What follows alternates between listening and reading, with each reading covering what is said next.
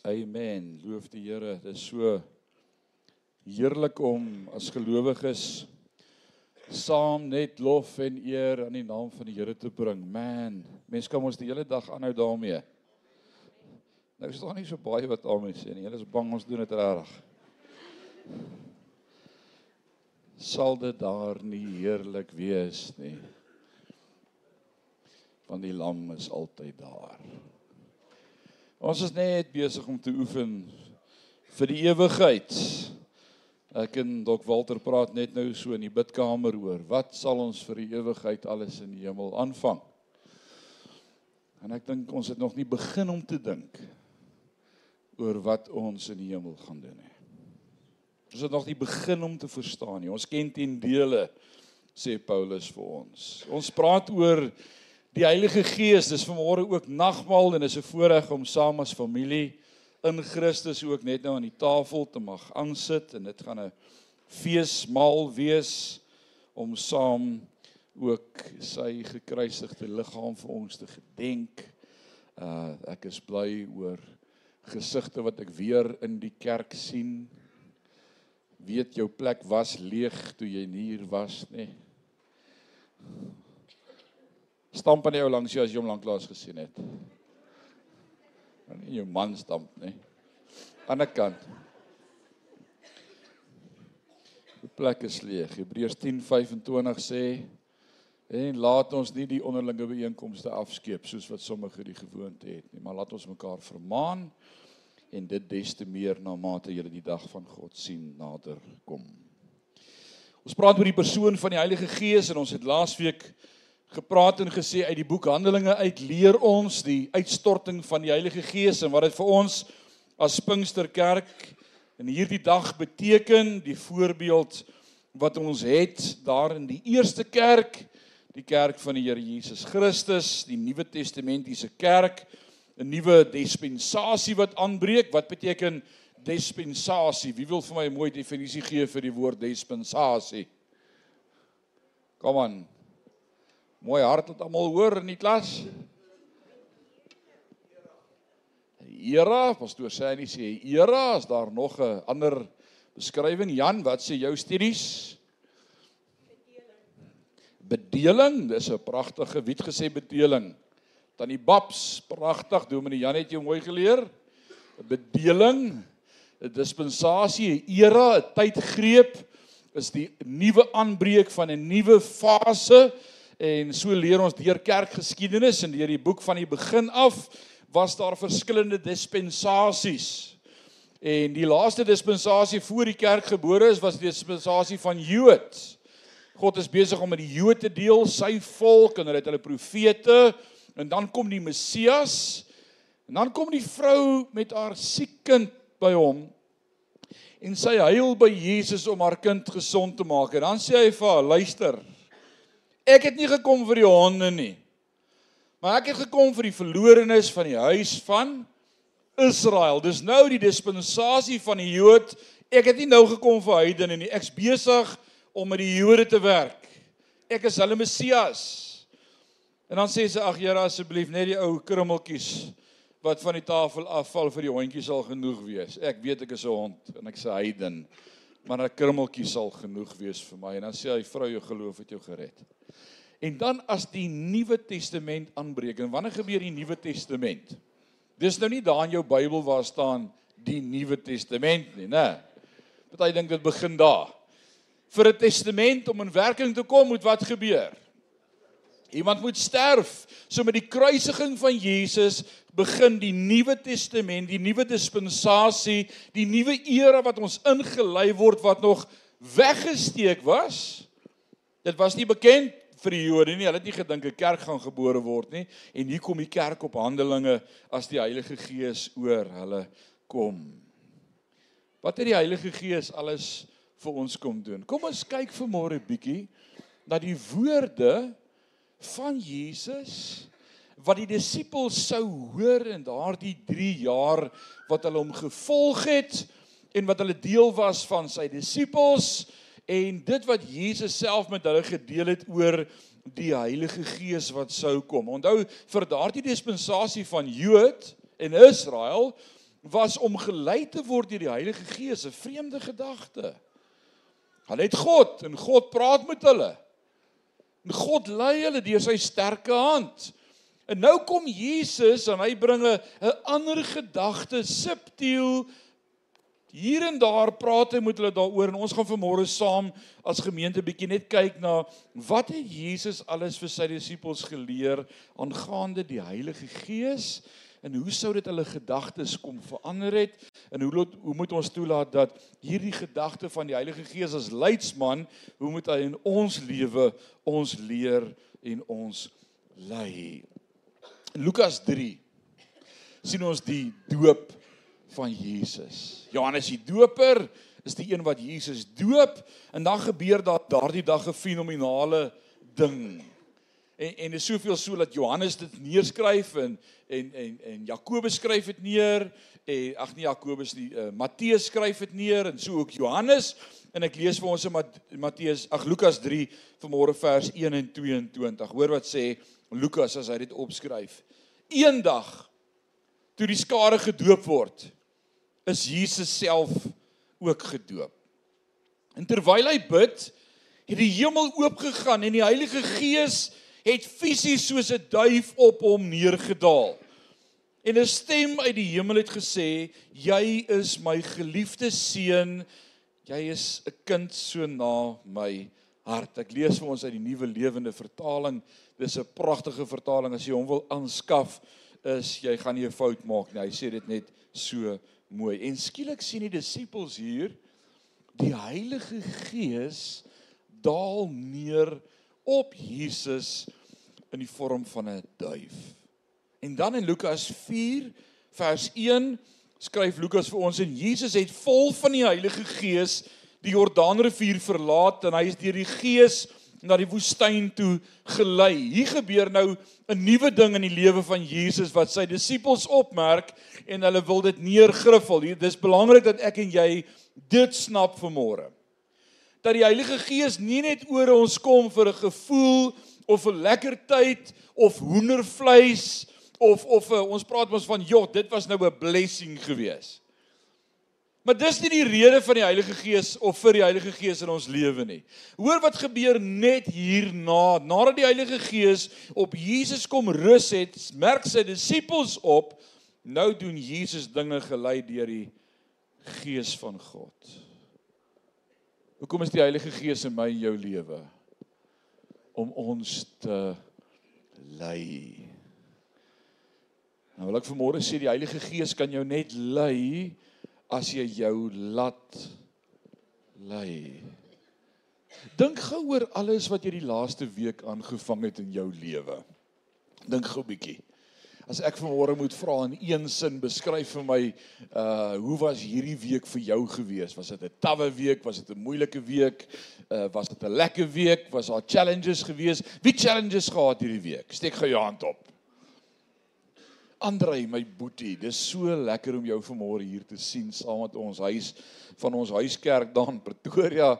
Uh Andrei Barnard, die Here bless jou. Lekker om jou hier te sien vanmôre. Die Heilige Gees lei ons in ons challenges. Ons steek ons hande op en sê ja, hierdie was 'n moeilike week geweest. Dalk het jy nou nog 'n challenge. Dalk het jy siekte in jou liggaam en dit is vir jou 'n challenge. Die belangrikheid vir ons as kinders van God om deur die Gees van God gelei te word. Ons het 'n geneigtheid om te dink dat die Heilige Gees ons net lei by die kerk of in die selgroep of wanneer ons Bybelstudie hou of wanneer ons besig is om met ander te praat oor die Here, maar nie in ons besigheid nie. Nie in ons elke dag se lewe nie. Nie ons verhouding as gesinslede met mekaar in die huis nie. Nie met my struggle en my challenges met verhoudings nie. Ek kan vanmôre daarvan getuig dat as jy gaan ruimte maak vir God se gees in jou lewe, hy jou in alle omstandighede wil lei. Ek is so dankbaar vir die amens wat opgaan wat sê ja, hy lei my. As ek voor ek 'n keuse maak, net vir die Heilige Gees vra. Gees van God, lei my. Wie van julle het dit hierdie week gedoen? Dat kon sê lei my. Ek weet nie wat moet ek doen nie. Ek weet nie wat moet ek besluit nie. Ek weet nie wat ek keuse om uit te oefen nie. Ek weet nie hoe ek moet optree in hierdie situasie nie. Maar dankie dat U hier is om my te lei. Ons sien in die lewe van Jesus hoe die Heilige Gees selfs Jesus lei. Lukas skryf verder in hierdie selfde hoofstuk in hoofstuk 4 vers 14 en hy sê hierna het Jesus gevul met die krag van die Heilige Gees. Dis 'n mooi beskrywing. Gevul met die krag van die Heilige Gees na Galilea teruggegaan. En hy het deur die hele omgewing bekend geword en hy het in die sinagoges geleer en is deur almal geprys. Jesus se lewe wys vir ons hy's gelei deur die krag van die Heilige Gees. En dan kom hier hierdie leerskool vir sy disippels wanneer hy hierdie transisie laat plaasvind om ook sy disippels te leer om gelei te word deur die Heilige Gees. Party word gelei deur hulle neuse. Nou, ons sê dit ook mos soms. Eers nou se gelei deur my neus. Hoor wat gebeur hier in Lukas 10 vanaf vers 17. Jesus het 72 disippels uitgestuur. As jy dink Jesus het net 12 disippels gehad, dink weer, hulle was sy 12 naby disippels. Sy inner core. Maar was klomp wat elke dag gevolg het, die menigte wat by hom was. En Jesus stuur van hulle uit, 72 van hulle stuur hy uit. En dan vers 17 van hoofstuk 10 van die boek Lukas sê vir ons toe die 72 disippels terugkom. Het hulle met vreugde gesê: "Here, selfs die bose geeste gehoorsaam ons wanneer ons u naam gebruik." Ja, het hy hulle vertel. Ek het Satan uit die hemel sien val soos 'n weerligstraal. En ek het julle gesag gegee oor alle mag van die vyand. En julle kan oor slange en skerpioene loop en hulle vermorsel. Niks sal julle beseer nie. Maar, sê saam met my maar. Daar's altyd 'n maar in 'n teks en hierdie maar sê vir my en vir jou let op wat nou staan. Daar's iets beters.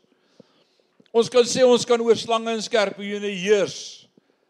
Maar daar's iets beters, maar Moenie bly wees net omdat bose geeste julle gehoorsaam nie. Wees bly omdat julle name opgeteken is in die boek van die hemel. Wie van julle weet vanmôre julle name is opgeteken in die boek van die hemel? Nou wys bietjie vir my hoe lyk bly? Sit gou op jou gesig, hoe lyk bly? Daar's hy. Dis hoe bly lyk. Bly. Ons vergeet waaroor ons moet bly wees in die lewe, Leon. Die goed waaroor ons eintlik moet bly wees, dis die goed wat my bly moet maak. Jou naam is geskryf in die boek van die lewe. O, oh, ek is so siek, my lyf is so vol pyn en ek voel so sleg en ek sien omstandighede in 'n krisis en ek weet nie wat om te doen nie en ek weet nie hoe ek gaan uitkom nie. Sê gou vir my, is jou naam geskryf in die boek van die lewe? Ja. Dis genoeg rede om te juig en te jubel. Jesus sê dis hoekom jy moet bly wees. Moenie bly wees vir die duiwel spele luister, nê? Wees bly omdat julle name opgeteken is in die boek van die hemel. Vers 21 en hier kom hier kom die kruks, hoor mooi. Toe is Jesus vervul met die blydskap van die Heilige Gees en het gesê: O Vader, Here van die hemel en aarde, dankie dat U die waarheid verberg het vir die wat in hulle eie oë so wys en slim is. En dat U aan kindertjies dit bekend gemaak het. Ja, Vader, dit het U behaag om dit so te doen. Wat bring blydskap in die Heilige Gees in Jesus se hart. Wanneer ek en jy verstaan ons name is geskryf in die boek van die lewe. En dan begin Jesus sy disippels leer aangaande die Heilige Gees. In Lukas 11 vers 9 sê ons Jesus is aan die woord en hy sê en so het ek vir julle, so sê ek vir julle. Hou aan vra en vir julle sal gegee word. Hou aan soek en julle sal vind. Hou aan klop en die deur sal oopgemaak word want enige een wat vra ontvang en enige een wat soek vind en die deur word oopgemaak vir enige een wat klop. Sê met my enige een. Om seef is jy deel van enige een. Enige een beteken elkeen van ons. Enige een. Jy's deel daarvan En baie keer dink ons net oor is net daai een wat kan bid. Of o, is daai een net vir my kan bid. Of as daai pastoor net sy hande op my kan lê. Of as daai broer net saam met my sal bid, dan gaan die Here antwoord. Jesus sê, enige een wat klop, ek maak die deur oop. Enige een wat soek, ek gee. Enige een wat vra, ek antwoord. As jy vanmôre hoor jy's deel van enige een, dis mos goeie nuus. Jesus hou nie op nie. Hy skryf verder. Hy sê: "Julle vaders, as julle kinders vir 'n vis vra, gee julle dan vir hulle 'n slang? Koenie? As jou kinders vir jou vis vra om te eet, gee jy vir hulle 'n slang? Of as hulle vra vir 'n eier, hulle vra nie, hulle vat sommer, né? Vra vir 'n eier. gee dit dan vir hulle skerpe joene? Dis ondenkbaar, is dit? Ek ek gaan nie vir my kinders hy kos wil hê iets gee wat hom gaan sleg aan doen of gaan leed aan doen of gaan seer maak nie. As jy 'n brood vra, 'n klip.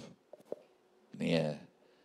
As julle sondige mense dan weet om goeie gawes aan julle kinders te gee, hoeveel te meer sal, sê saam met my sal sal julle hemelse Vader die Heilige Gees gee vir hulle wat hom vra.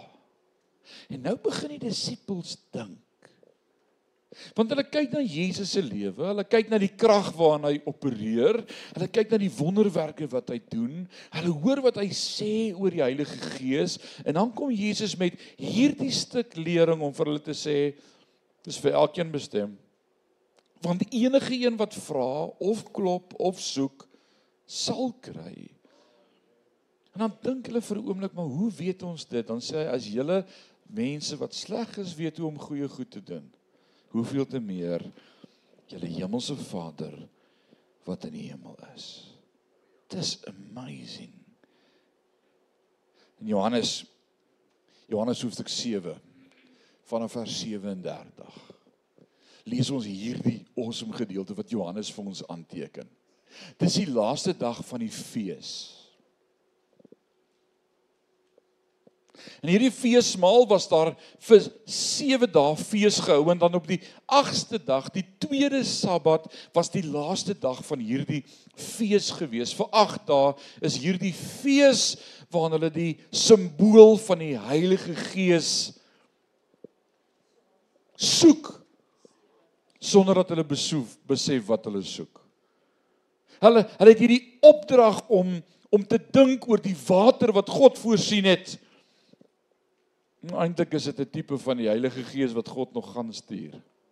En dan vir 7 dae sou die hoofpriester van die tempel af afgaan na die poel na die dal van Siloam toe en dan sou hy daar gaan skep uit die fontein uit water met 'n goue bak en dan sou hy teruggaan en daardie water uitgooi en dan sou die hele volk dink aan hoe God in die woestyn vir hulle water voorsien het. Hoe het God in die woestyn vir hulle water voorsien? Deur die rots En as jy nou Hebreërs saam met my gedoen het en ook Korintiërs en wat hy alles leer ou Paulus, dan klink dit vir my en ek weet nie, ek sê net hoe dit vir my klink. Dit klink vir my daai rots het saam met hulle deur die woestyn getoer.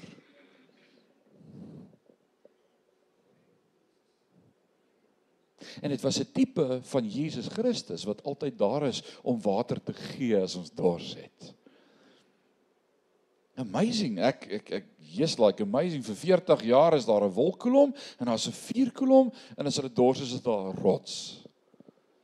En die eerste keer sê God vir Moses slaan die rots en dan slaan hy die rots en dan wat gebeur? Daar kom water uit. Die rots word geslaan vir my en vir jou. Dis 'n prentjie van Jesus Christus wat vir ons gekry word en uit dit uitkom water.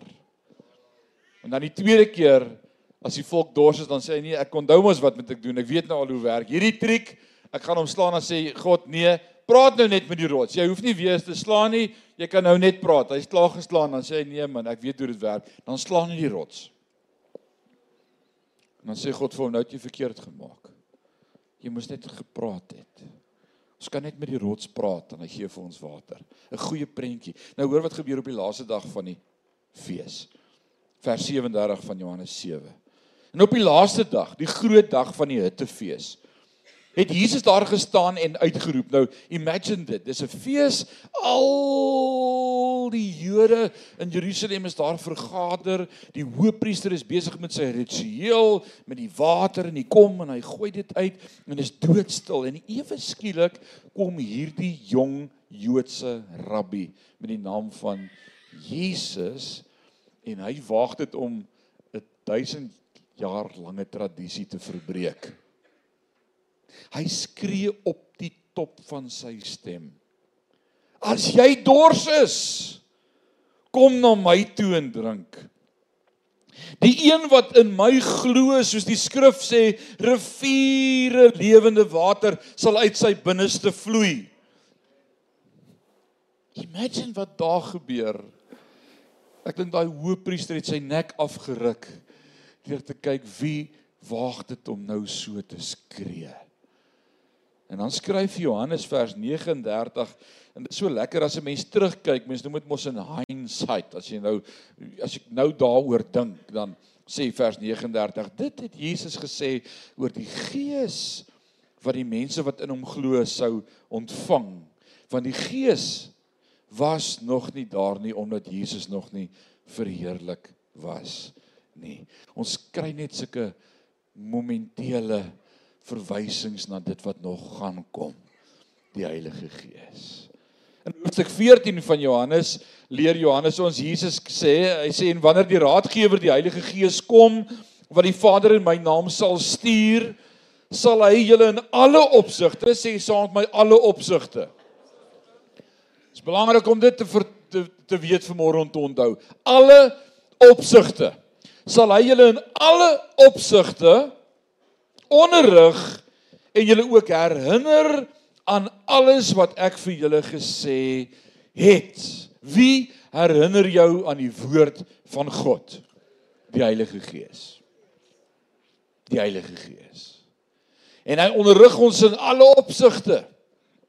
Enige iets wat jy wil weet, vra die Heilige Gees. Wie van julle kan getuig vanmôre daarvan dat jy al in jou werksopset iets nie geweet het nie? en jy net gesê Here, ek het nou hulp nodig en die Here het vir jou ewe skielik 'n gedagte gegee. Jesus, ek gaan dit doen. Niks met die Bybel of godsdiens uit te waai nie. Ewe skielik net. En jy het geweet dis wat ek moet doen. Dis waar die fout is. Dis die Heilige Gees. Ons kan hom vra. Hy spy ons die parakleet, die trooster, die raadgewer, die Heilige Gees wat Jesus vir ons gestuur het. Is dit tot ons voordeel dat Jesus teruggegaan het hemel toe? O oh yes. Johannes 16 vers 7 Jesus is aan die woord en hy sê laat ek julle egter die waarheid vertel. Dit is tot julle voordeel dat ek weggaan. Want as ek nie weggaan nie sal die raadgewer die Heilige Gees nie na julle toe kom nie. As ek egter weggaan sal ek die raadgewer na julle toe stuur En wanneer hy kom, sal hy die wêreld oortuig van sonde en van geregtigheid en oordeel en dan dat die oordeel hier is van sonde omdat die wêreld nie in my glo nie. Van God se regverdige oordeel omdat ek teruggegaan het na die Vader toe en julle my nie meer sien nie en van veroordeling omdat die regerder van hierdie wêreld reeds veroordeel is. Hier sê Jesus die primêre funksie van die Heilige Gees as hy gaan kom, gaan wees om die wêreld te oortuig van hulle sonde. Nou watter sonde oortuig die Heilige Gees die wêreld van? Lees verder. Sonde kom maar omdat hulle in my nie glo nie. Wat is die werk van die Heilige Gees in hierdie wêreld? Om die wêreld te oortuig jy het Jesus nodig. Dit is kosbaar om te weet. Dit is kosbaar om te weet.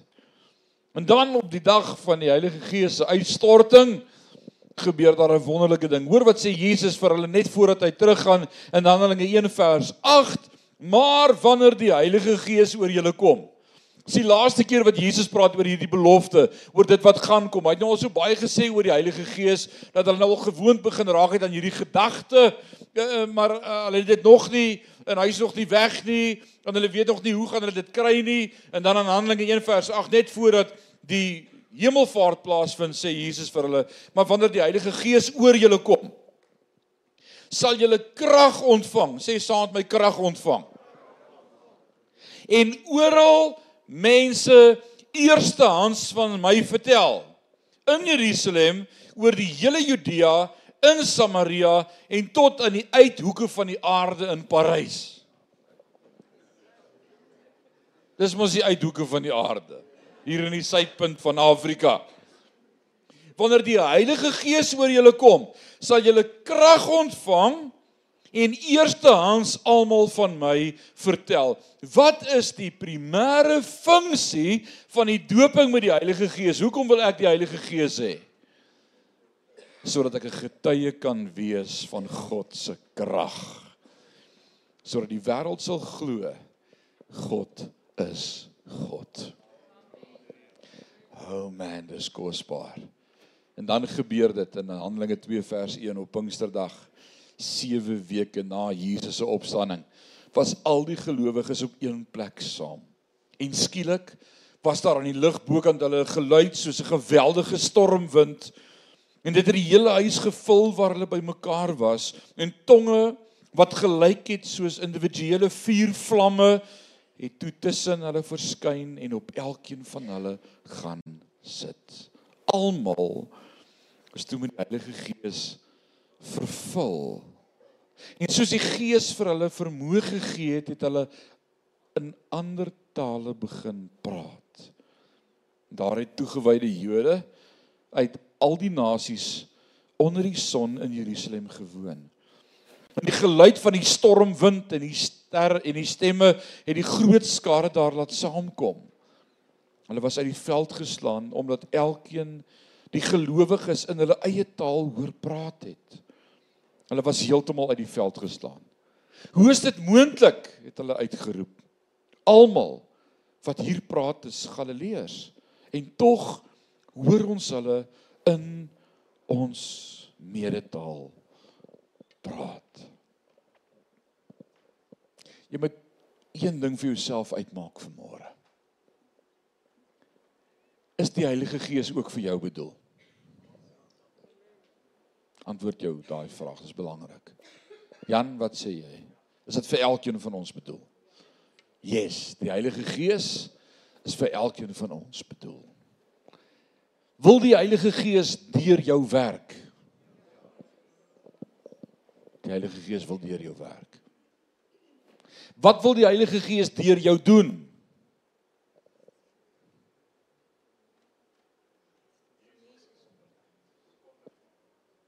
Johan, wat sê jy? Stoffel, wat sê jy? Hy wil hê jy moet 'n getuie wees. Hy wil die wêreld vertel dat Jesus die koning is. Primêr. Nou is daar iets wat ons dan vir mekaar moet sê. As ek glo ek het die Heilige Gees en ek is 'n getuie en God wil my gebruik om te vertel van hom dan wil ek die volgende stelling maak vanmôre. Dan ek en jy 'n groot verantwoordelikheid oor hoe ons lewe lyk. Want is een ding om te vertel hoe awesome God is en dan is 'n ander ding om te wys kyk wat het hy met my gedoen. Hy het my nuut gemaak. Baie van ons kan praat oor hoe awesome God is.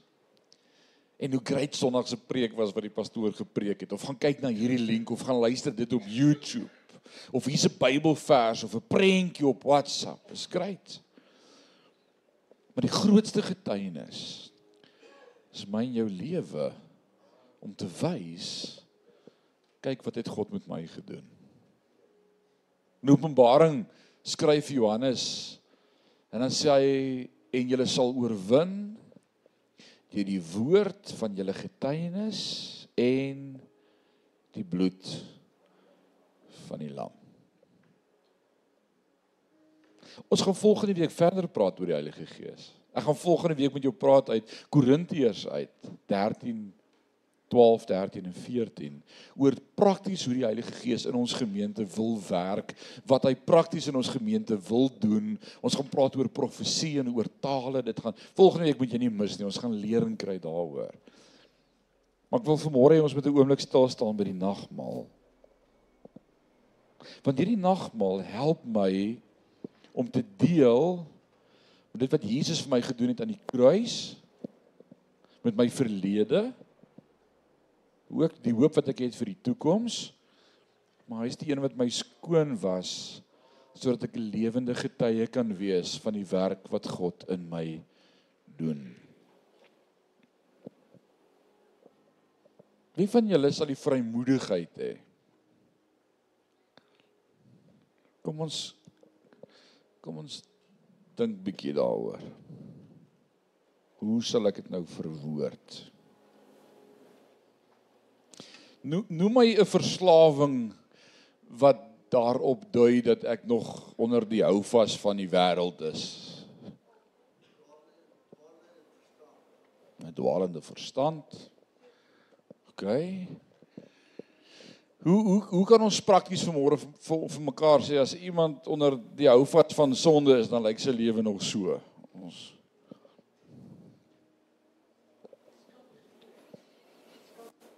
skuldgevoelens, waar waar van kom skuldgevoelens vandaan? Sonde. Sonde. Die Bybel is vol oor wat's alles sonde, né? Nee en ons almal doen sonde en Paulus deur vir ons Romeine 7 dit lyk vir my tot ons dood gaan gaan ons sonde doen. Nou, dit is die realiteit. Maar daar seker goed waaroor ek mos al oorwinning gekry het in my lewe. As jy nou terugdink aan jou lewe voor jou bekering, wat is die tipe goed wat hou vas op jou gehad het? Waarvan het God jou alles kom losmaak? Noem bietjie. Ek het op 'n tyd geskryf vir die blou bulle, sal dis waar. Die Here het my daarvan kom verlos. wat wat se goed het hou vas in ons lewe?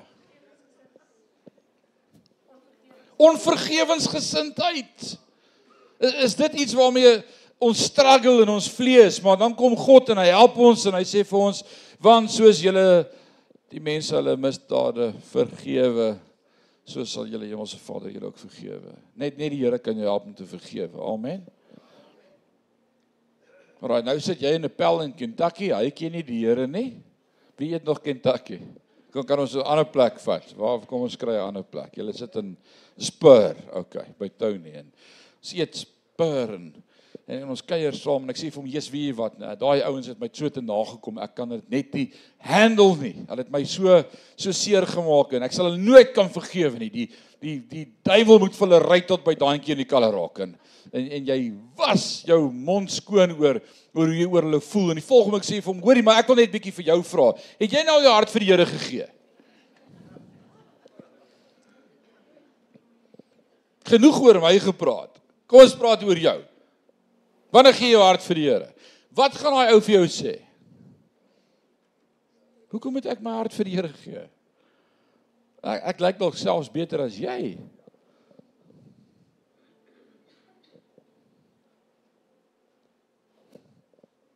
Dalk is jy verslaaf aan heroïne en dwelms. Coke. Wie van julle is verslaaf aan coke?